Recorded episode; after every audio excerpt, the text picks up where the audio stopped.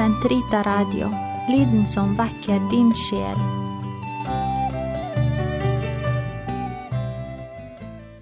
Den katolske kirkes syn på andre religioner og kirkesamfunn. I mitt møte med Den katolske kirke ble jeg gledelig overrasket over dens toleranse overfor andre religioner, kirkesamfunn og søkende mennesker.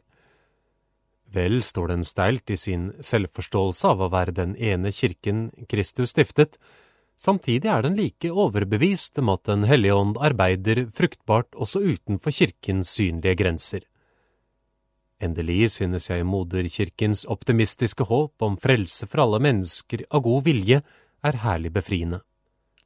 Det er slike tanker som har gitt næring til følgende foredrag. Innledning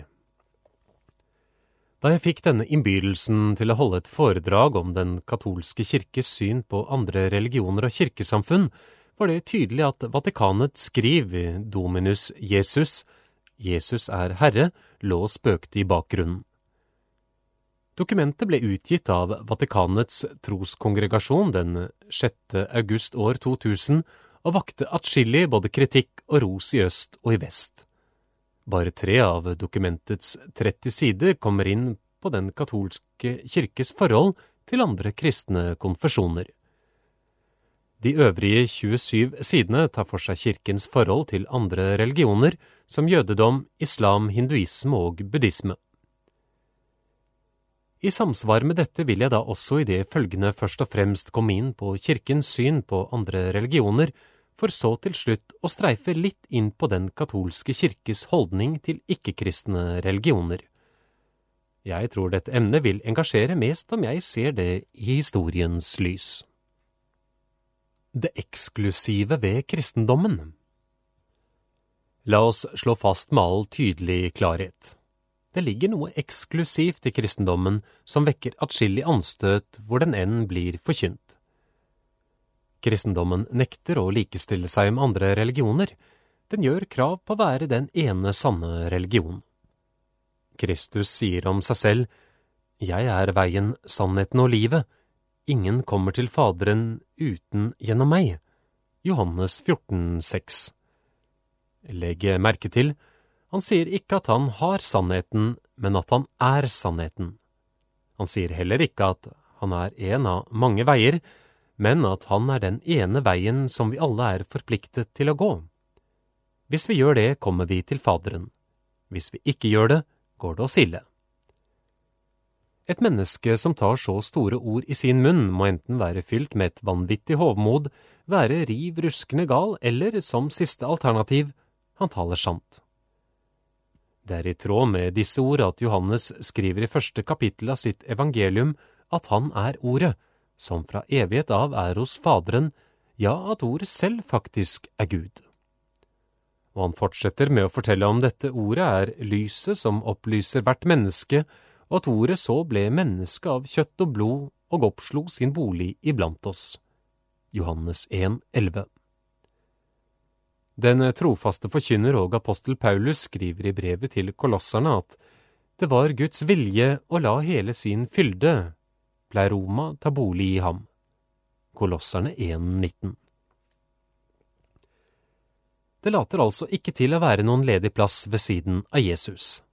Den enkle sannhet er at Gud selv taler gjennom ham og ham alene. Det er ikke de kristnes fortreffelighet som gjør kristendommen til den ene sanne religion. Kristi budbringere, altså vi som pynter oss med kristennavnet, kan være svært så ufullkomne, men den Jesus Kristus vi forkynner, han og bare han er fullkommen. I ham bor sannhetens hele fylde. Kristendommen er den eneste religion som gjør krav på at den ufattelige, store og hellige Gud vandret omkring på jorden og talte direkte til oss. Når vi legger kristendommens eksklusive eneståendehet frem for tilhengere av andre religioner, skal vi ikke undre oss over at det kristne budskap i første instans virker arrogant. Hvis vi bare jenket litt på dette enestående eksklusive ved kristendommen, ja, hvis vi bare ville innrømme at Jesus kun er en av flere andre store, likestilte religionsstiftere, ville vi lettere bli trukket inn i varmen av den indiske vismann.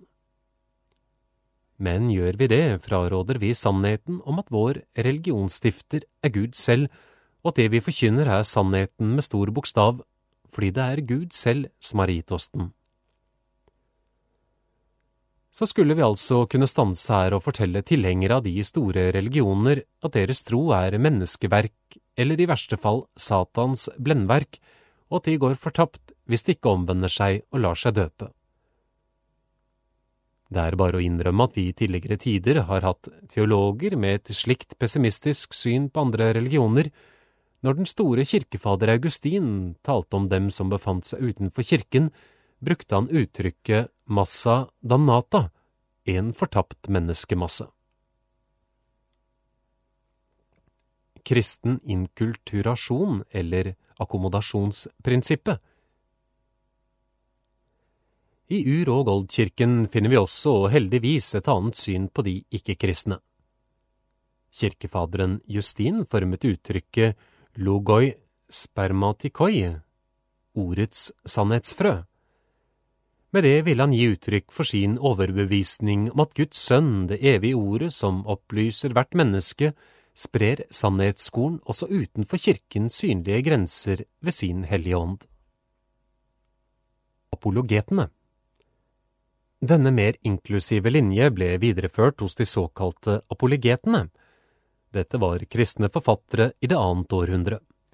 De forsvarte kristendommen mot alle angrep fra antikkens skarpskodde filosofer, selv angrep de flerguderiet som florerte i det romerske riket, men det de fant av sannheter hos de hedenske filosofer, beholdt de, også som kristne. Vi taler i denne forbindelse om anvendelse av akkommodasjonsprinsippet, tilpasningsprinsippet, et begrep som ligger tett opp til det vi i dag forstår med inkulturasjon. Misjon blant angelsakserne Da pave Gregor den store på 600-tallet sendte de første misjonærer til det hedenske England, ga han lederen for flokken, Augustinus het han, følgende instruks. Deres avgudstempler skal absolutt ikke ødelegges, men avgudene inni dem skal han tilintetgjøre og så sprøyte hellig vann i templene, plassere relikvier i dem og bygge altere. Når disse mennesker ser at deres helligdommer ikke blir ødelagt, vil de kunne utrydde villfarelsene av sine hjerter, og de vil ha lettere for å gå til de steder de er vant til å bekjenne og dyrke den sanne Gud. Det er linjen fra kirkefaderen Justin som følges, og akkommodasjonsprinsippet som anvendes. Pave Gregor innså at i all gudsdyrkelse finnes, tross hedenske villfarelser, en kjerne av allmenn religiøsitet, logoi spermatikoi, som er sann. Den skal fanges opp og foredles med kristent innhold. Dette lar seg lettere gjøre når en viss kontinuitet opprettholdes. Dette skjer ved at hedendommens ytre former, som plasser, riter, religiøse skikker og festdager, tømmes for hedensk innhold og fylles med kristent tankegods. Misjon i Norge Den samme linje ble fulgt i hvert fall et stykke på vei da Norge ble kristnet. De angelsaksiske prestene som fulgte våre tre misjonskonger Håkon den gode, Olav Tryggvason og Olav Haraldsson over Nordsjøen til vårt hjemland, møtte asatroens hoff av guder, samt en rekke animistiske forestillinger om gode og onde vetter i skog, fjell og vann. Når hovene, altså de hedenske gudshusene, ble revet, skyldtes det nidkjær villskap hos våre to vikingkonger som for øvrig begge var konvertitter. Og det skjedde mot de angelsaksiske misjonærenes uttrykkelige vilje. Heldigvis fikk misjonsprestene gjennomført at kirkene ble bygget like ved eller på samme sted som hovene, så også her kom akkommodasjonsprinsippet til anvendelse. Men også på andre norrøne områder skjedde en tilpasning, guder, vetter og diser, som det vrimlet av i den animistiske folketroen her i Norden, mistet etter hvert sin status som hjelpere. Engler og senere hellige kvinner og menn inntok deres plass som kristne hjelpere. En vannkilde som i hedensk tid ble trodd var helsebringende fordi en vette bodde i den, ble nå i kristen tid trodd å være helsebringende fordi en martyr hadde mistet livet der. Også i kulten ble kontinuiteten opprettholdt og tilpasningsprinsippet anvendt. Julen ble feiret som før, men datoen ble forandret fra vintersolverv med hedensk blodting til den 25. desember med messegang til ære for Herrens fødsel. De tre årlige hedenske blot, med minneskåler for guder og avdøde, forsvant i sin daværende form. Men festdagene ble bibeholdt som ølgilder. Nå drakk man minneskåler til ære for Krist, jomfru Maria og hellig Olav. Man drakk for godt år og fred, slike ølgilder var foreskrevet i Gulatingsloven. Også på et mer religionspsykologisk plan kom akkommodasjonsprinsippet til anvendelse. Stikkordet er her makt. Maktbegrepet sto sentralt i den norrøne bevissthet. Uten makt og maktanvendelse kunne våre vikingfedre ikke overleve. I vikingtiden og langt inn i middelalderen var Norge et ettersamfunn. Ætten var uten tvil det norrøne samfunns høyeste verdi. Ætten tilhørte man mer enn man tilhørte seg selv, det var i ætten og ettersamholdet makten lå. Jo større ætten var, jo mektigere kunne den opptre utad, jo sterkere rettsbeskyttelse ga den sine medlemmer. Innen ætten var det igjen ulike rangstrinn, enhver måtte sikre sin rang ved å demonstrere styrke i tide og utide. Det var en nødvendighet for å overleve, Maktbegrepet sto derfor sentralt i norrøn bevissthet og ble med stor selvfølgelighet overført på gudsdyrkelsen. Gudenes funksjoner var todelt. Fruktbarhetsguder og gudinner skulle gi fruktbarhet til folk og fe, åker og eng, noe som igjen økte ættens makt. Krigsgudene skulle hjelpe til seier i holmgang, etterfeider og på vikingferder. Gudene krevde for sin del blot, fikk til det hjalp til sine kultutøvere i deres eksistensielle maktkamp. I misjonærenes konfrontasjon med kristendommen sto altså maktbegrepet sentralt. Det måtte stå sentralt. Hvem var den viktigste, Odin eller Hvitekrist? Misjonærene var glimrende religionspsykologer. De visste at asatroens guder var oppstått i tiden og skulle gå under i ragnarok.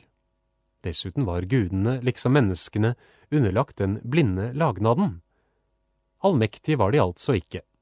I skarp motsetning til asatroens forgjengelige guder stilte misjonærene opp Hvitekrist, som hadde skapt himmel og jord, som var evig og allmektig.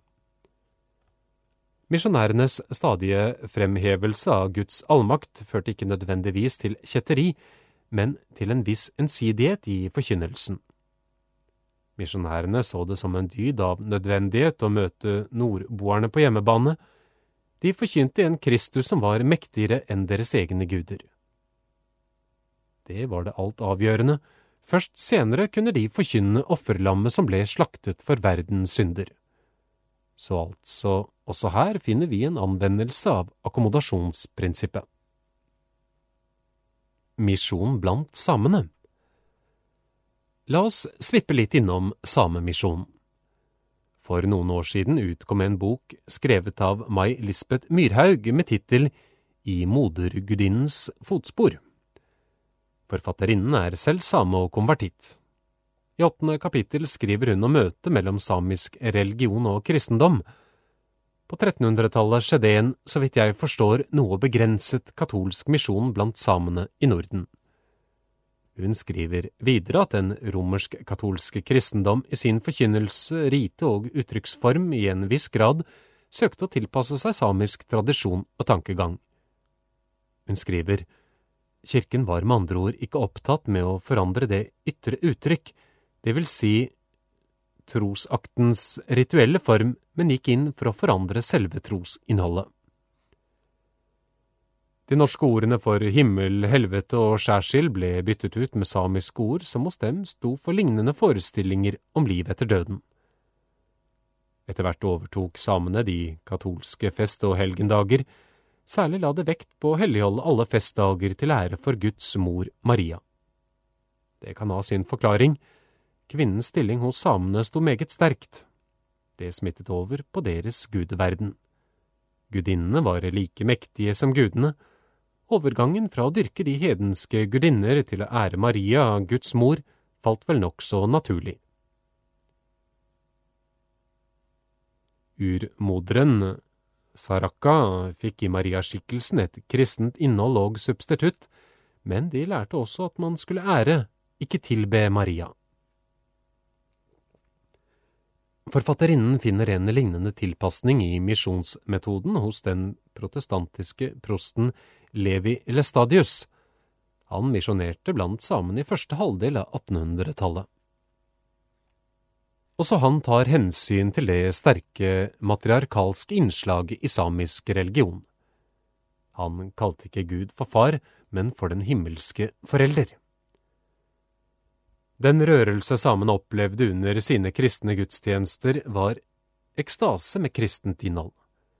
Det ekstatiske element i samisk sjamanisme ble videreført, men fylt med nytt kristent innhold.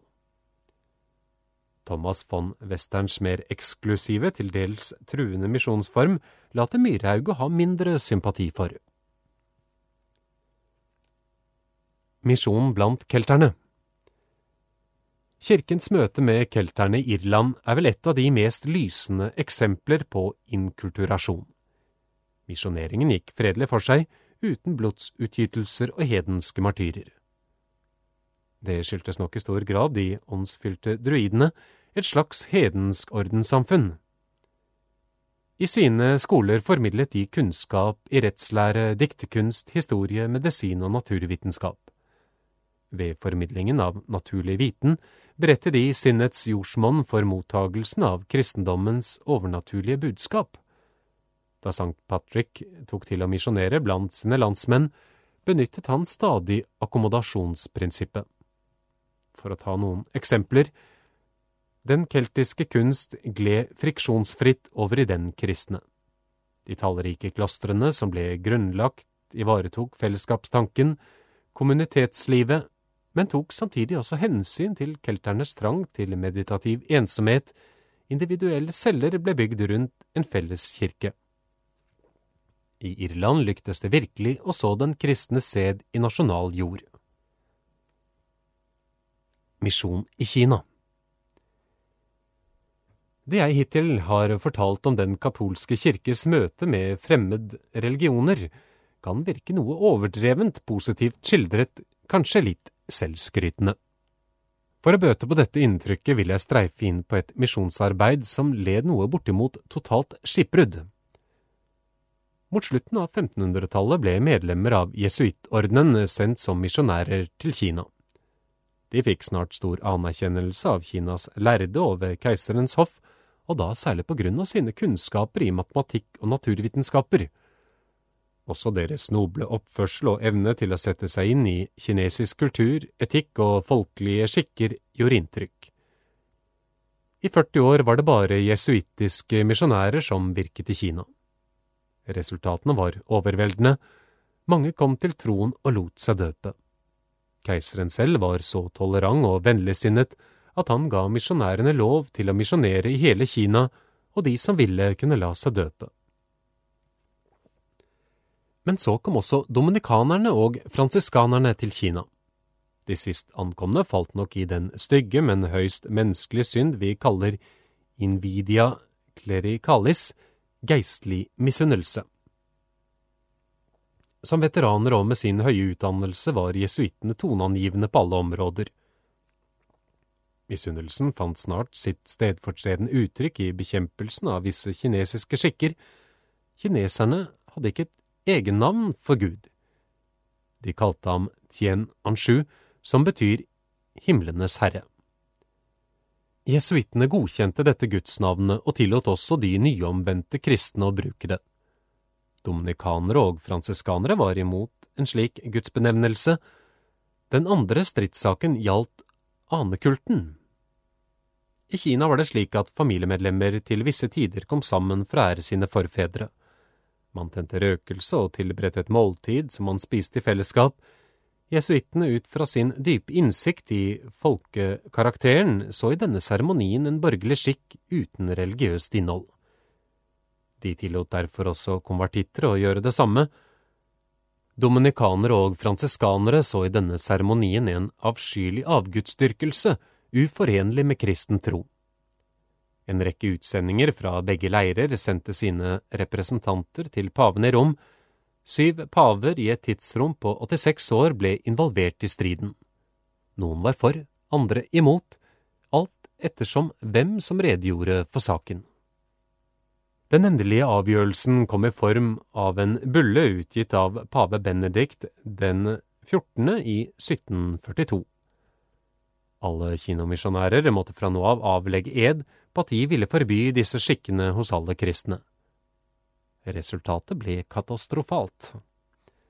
Den kinesiske keiser som beundret jesuittene og hadde gitt misjonærene tillatelse til å misjonere i hele sitt rike, ble rasende over pavens forordninger. Muligens har keiseren opplevd disse som kulturimperialisme. Han forbød all misjonering i Kina, og en blodig forfølgelse tok til. Så å si all kristendom ble utryddet i det veldige riket. Med den dypere innsikt i fremmede kulturer og religioner som kirken har i dag, ville vel en slik manglende inkulturasjon vært langt mindre sannsynlig.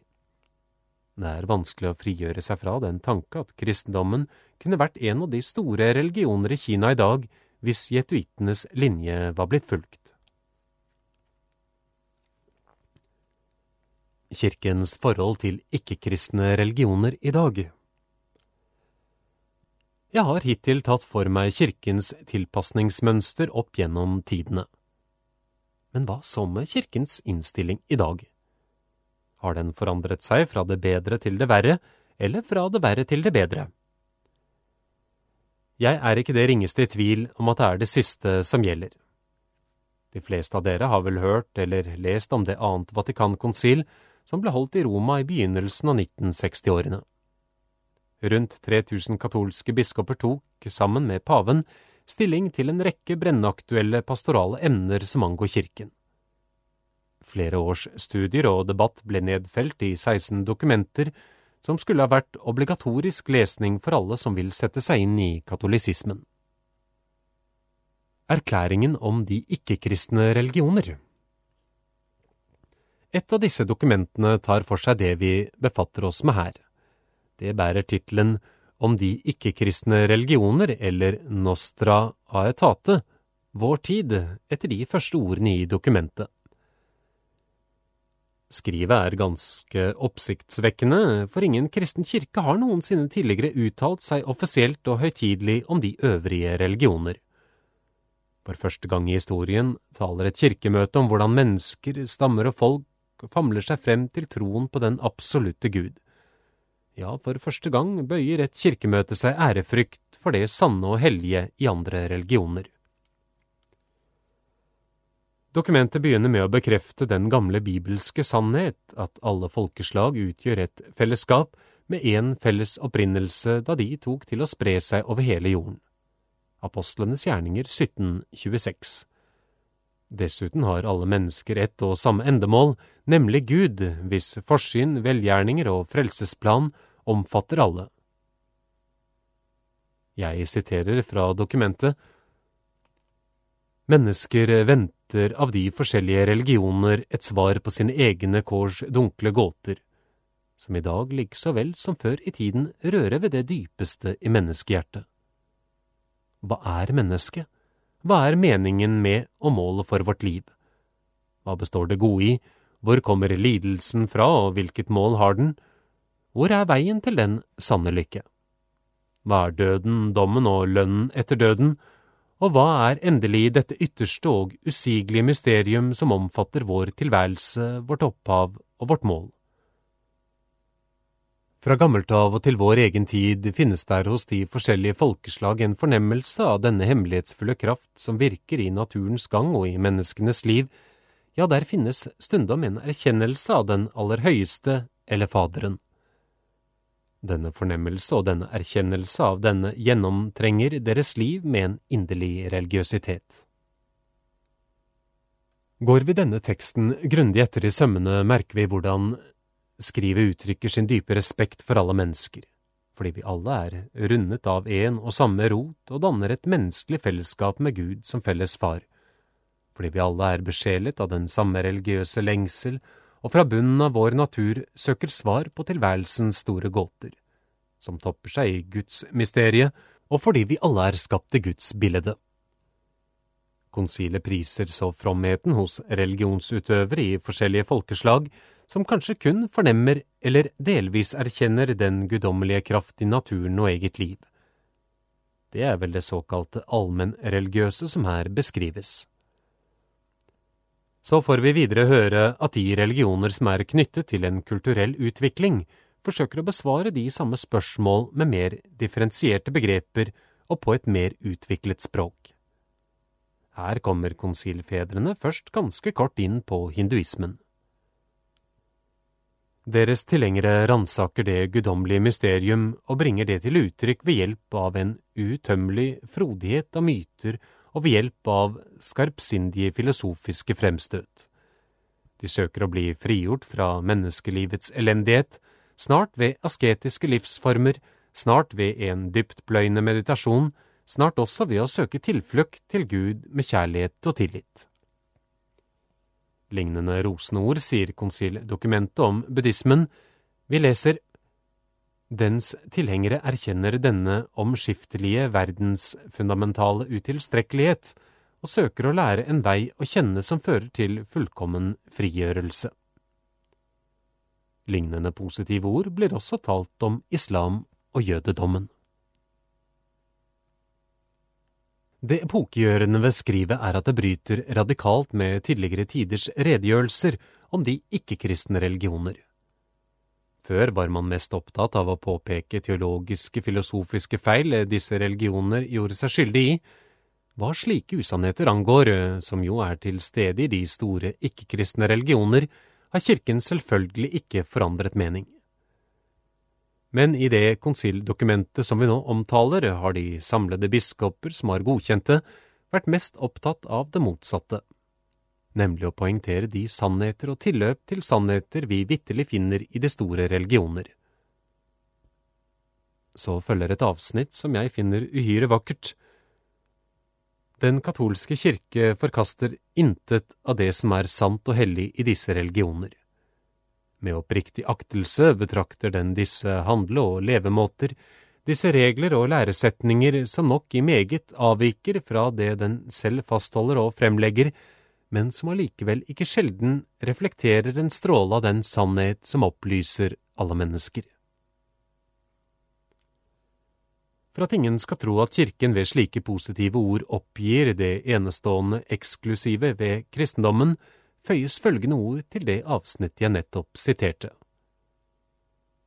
Men den kirken forkynner også, og den skal alltid forkynne Kristus, som er veien, sannheten og livet. Johannes 14,6, i hvem menneskene finner det religiøse livs fylde. I skrivets gjennomgåelse av de ikke-kristne religioner får jødedommen stor plass. Konsilet er seg bevisst den antijødiske tone som ofte har forekommet i forkynnelse, undervisning og katekese i forrige århundre. Det ble derfor viktig for konsilet å peke på at Jesus selv, hans mor og apostlene var jøder. Mange har tidligere sett på det jødiske folk som utelukket fra Guds kjærlighet. Det oppsto en avskyelig legende om at jødene som helhet var skyldig i Jesu korsfestelse, og derfor forkastet og forbannet av Gud. Jødenes lidelser opp gjennom tidene ble tolket som Guds hevn. Dokumentet forkaster, med Bibelen som grunnlag, alle antijødiske legender, fordommer og usannheter. Jødene er fortsatt Guds folk, som han elsker med samme kjærlighet som i Det gamle testamentet. Dekretet om Kirkens misjonsvirksomhet vi har hittil streifet inn på konsildokumentets positive holdning til ikke-kristne religioner. Dette måtte i sin tur få konsekvenser for misjonene. To måneder etter utgivelsen av erklæringen om de ikke-kristne religioner utkom dekretet Kirkens misjonsvirksomhet ad gentes. Det som i vår sammenheng interesserer ved skrivet, er en videreføring av de tanker vi finner i erklæringen om de ikke-kristne religioner, konsekvensen av disse tanker for misjonene og en bekreftelse av det beste i tidligere misjonsforsøk. Her i dekretet om Kirkens misjonsvirksomhet leser vi. Av hva der alltid har eksistert av nåde og sannhet hos hedningene på grunn av en slags skjult tilstedeværelse av Gud, befris herved ved evangeliets forkynnelse for det ondes smitte og gis tilbake til sitt opphav, Kristus, som knuser djevelens makt og holder ondskapens mangfoldige slette gjerninger i sjakk.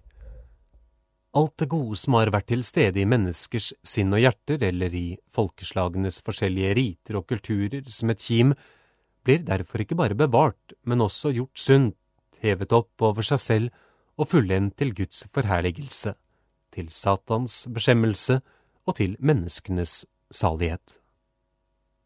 Og vi leser, som Kristus gjennomskuet menneskenes hjerter og ved en ekte menneskelig samtale førte dem til det guddommelige lys, slik skal også hans disipler, helt oppfylt av Kristi ånd, kjenner de mennesker de lever iblant og som de omgås, i en oppriktig og tålmodig dialog skal de lære hvilke rikdommer Gud i sin godhet har fordelt blant folkeslagene men samtidig skal det bestrebe seg på å kaste lys over disse rikdommer med evangeliets lys, og befri dem og bringe dem under Guds, Frelserens herredømme.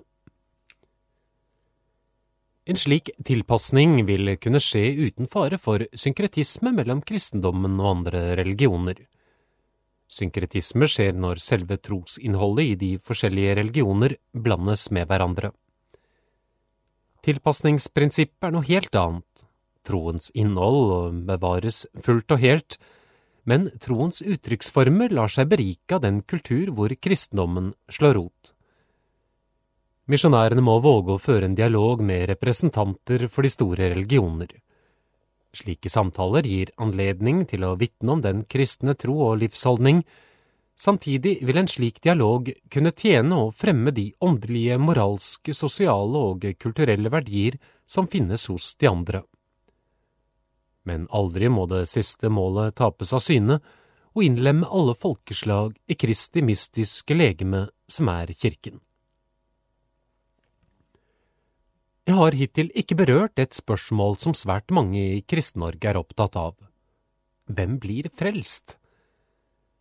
Dette finner vi svar på i et annet konsilsdokument som omhandler kirken, De Ecclesia.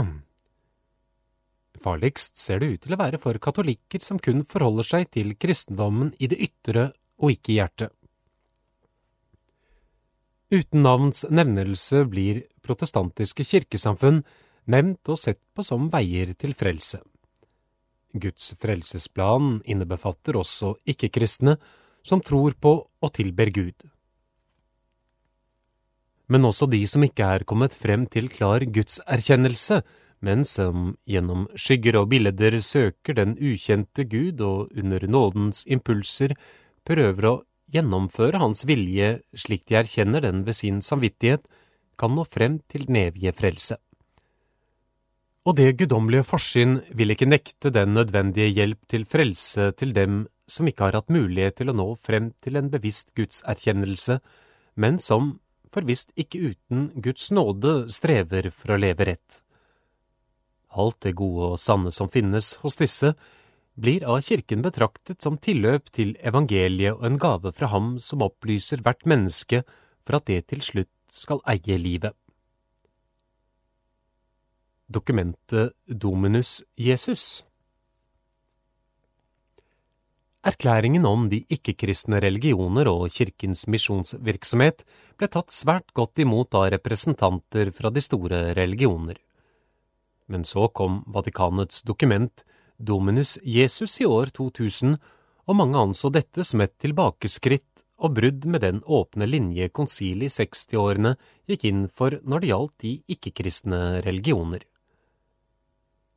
Den som leser dokumentet grundig, vil få en annen oppfatning. intet av alt det positive konsilet skrev om gudsdyrkelse utenfor kirkens synlige grenser, ble trukket tilbake. Heretiske oppfatninger Men nå, snart 40 år etter konsilet, var det oppstått en situasjon som tvang Vatikanet til å gripe inn. Det ser ikke ut til at vi mennesker evner så lett å bevare den sunne midte mellom ekstreme ytterpunkter.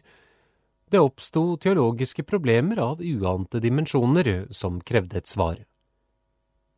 Kirken er nå en gang kalt av Vår Herre til å være sannhetens støtte og grunnvoll, 1. Timoteus 3,15. Hva var det som var hendt? Jo, en rekke teologer i og utenfor den katolske kirke gikk langt over streken i forsøk på å oppvurdere de store religioner på bekostning av kristendommens universalitet. Jeg skal stikkordaktig få sitere noen uttalelser fra enkelte. Den protestantiske teolog John Hick, som tilhører den presbyterianske kirke, skriver De kristne må gi opp læren om at troen på Jesus Kristus er den eneste vei til frelse. Den amerikanske katolske misjonær Paul Knitter sier det som de kristne ser i Jesus, kan andre mennesker se også i andre religionsstiftere. Ved siden av Jesus er det mulig å finne andre inkarnasjoner av Gud i denne verden. Jesus er ikke noe uforlignelig engangsfenomen. Han står ikke over alle andre religionsstiftere.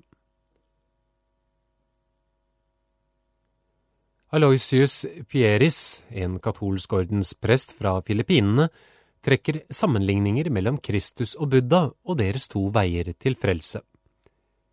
I tvetydig ordelag relativiserer han kristendommens overlegenhet og eneståenhet overfor buddhismen. Indren Raimondo Panikar er av den mening at kristendommen må oppgi kravet om universalitet han sier at en kristne religion verken er en spesiell hendelse eller en universell religion. Misjonen er en blindgate. Religionssamtaler skal kun baseres på dialog. Troskongregasjonen korrigerer. Den utvikling til pluralisme som disse teologer initierer, ville få katastrofale følger for kristendommen hvis den forble uimotsagt den kongregasjonen, eller det departementet i Vatikanet som blir kalt Troskongregasjonen, og som ble ledet av kardinal Josef Ratzinger, nåværende pave Benedikt den 16., så det som sin plikt å imøtegå disse villfarelser. Tidsrammen for dette foredraget tillater ikke at jeg i detalj kommer inn på alle de argumenter fra Bibelen, tradisjonen og pavelige dokumenter som Troskongregasjonen refererer til. Om og om igjen slås det fast at kirken ikke trekker tilbake noen av de positive uttalelser som under konsilet ble sagt om sannheter og skjønnheter i ikke-kristne religioner, at slike uttalelser på ingen måte står i kontrast til de krav kristendommen må forkynne om å være den ene sanne universelle religion, og at ingen kan bli frelst uten gjennom Jesus Kristus, han som har sådd sine sannhetskorn også utenfor kirkens synlige grenser.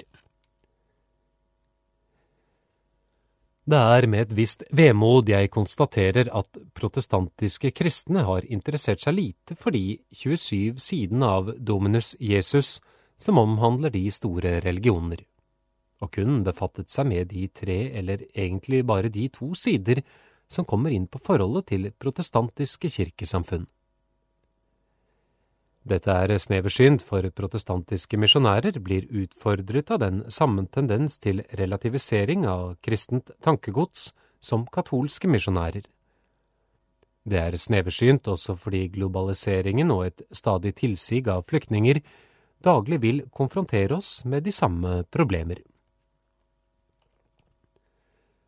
Til slutt noen tanker om den katolske kirkes holdning til ikke-katolske kristne.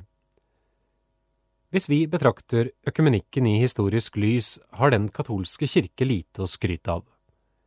Helt opp til det annet Vatikankonsil var den katolske verden svært tilbakeholden i økumenisk sammenheng.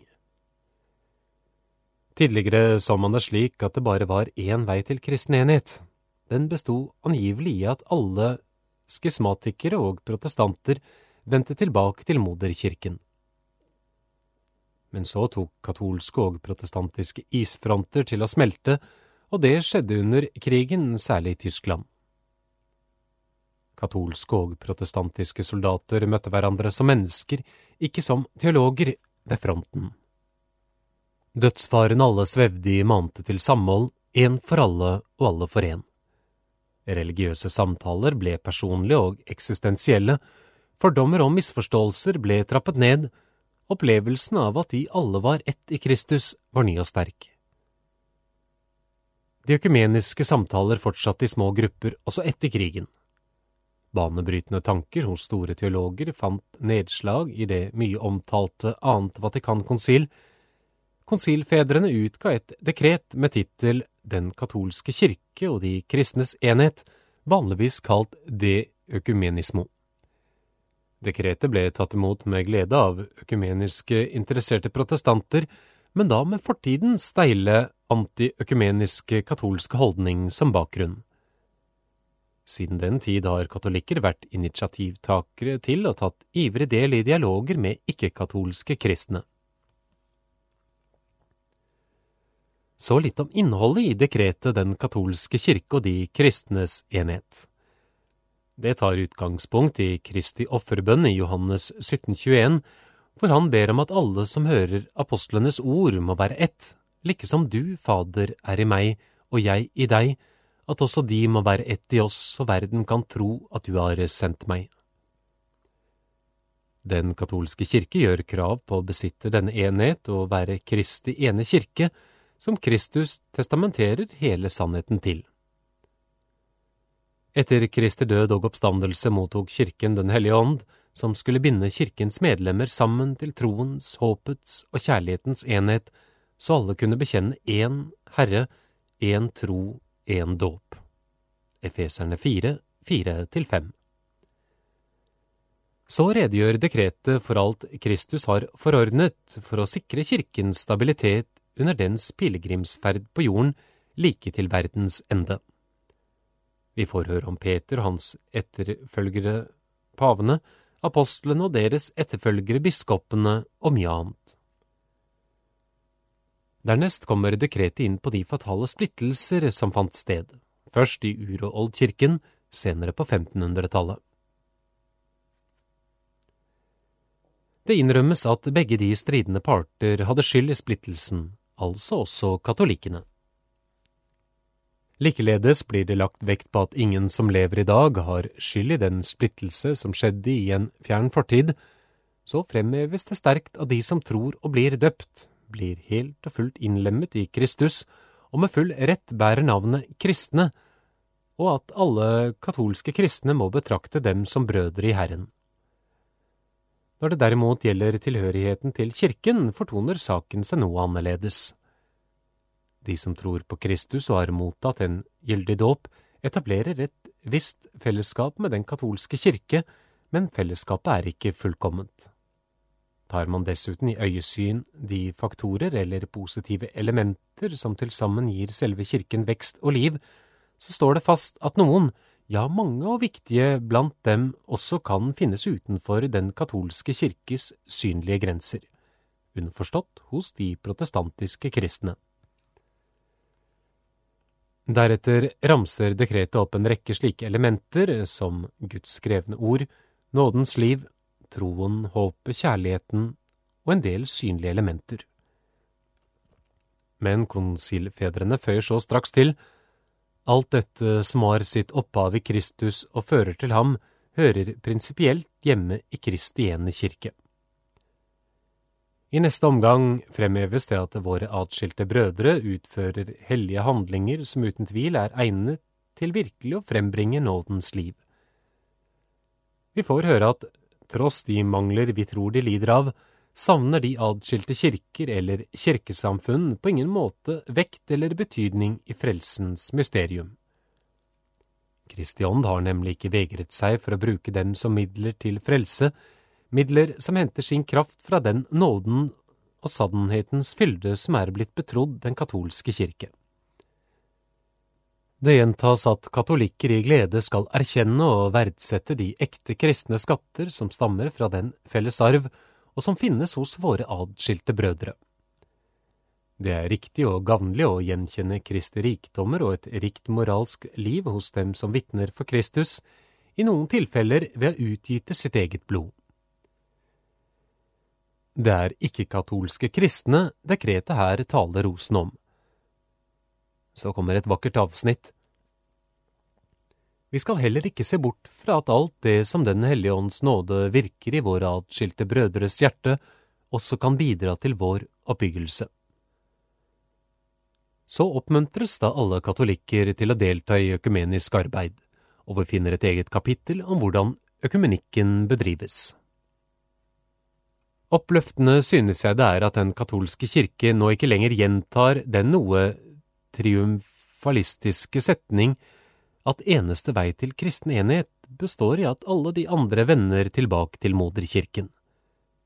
Blikket rettes ikke lenger bakover, men forover. I dekretet går det tydelig frem at første skritt på økumenikkens vei består i at Den katolske kirke selv på det menneskelige jordiske plan må foreta en ansiktsløftning. I annen rekke forventes det samme av protestantiske kirkesamfunn, når slagg og urenheter vaskes bort fra det kirkelige liv hos begge parter, så Kristi sanne ansikt får lyse frem tvers gjennom alle våre synder og skrøpeligheter, da først kan Den hellige ånd, ad veier vi ikke kjenner, lede oss frem til en enhet hvis strukturer få av oss skimter konturene av i dag. Så tilbake til Dominus Jesus.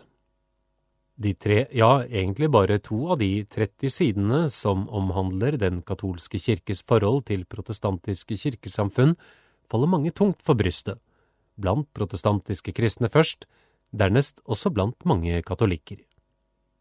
Jeg tror jeg forstår hvorfor.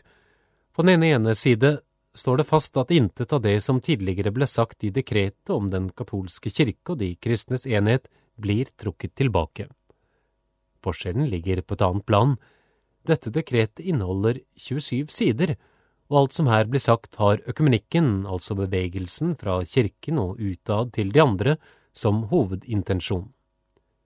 Dominus Jesus derimot har bare to sider som omhandler kirkens forhold til protestantiske kirkesamfunn, og den har et annet mål.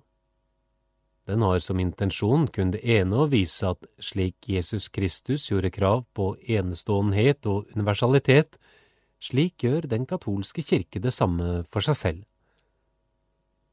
Mens dekretet Den katolske kirke og de kristnes enhet er økumenisk varmt og søker å se skjønnheten hos brødre og søstre på den andre side av konfesjonsgrensen, er Dominus Jesus, uten å komme på kollisjonskurs med dekretet, kort, nøkternt, kjølig og i samsvar med hele dokumentets natur, mest opptatt av å definere hva den katolske kirke er i seg selv.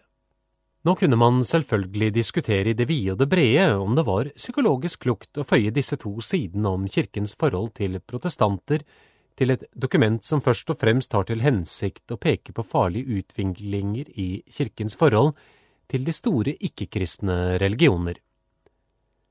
Det beste vil nok allikevel være å lese disse to dokumenter i sammenheng.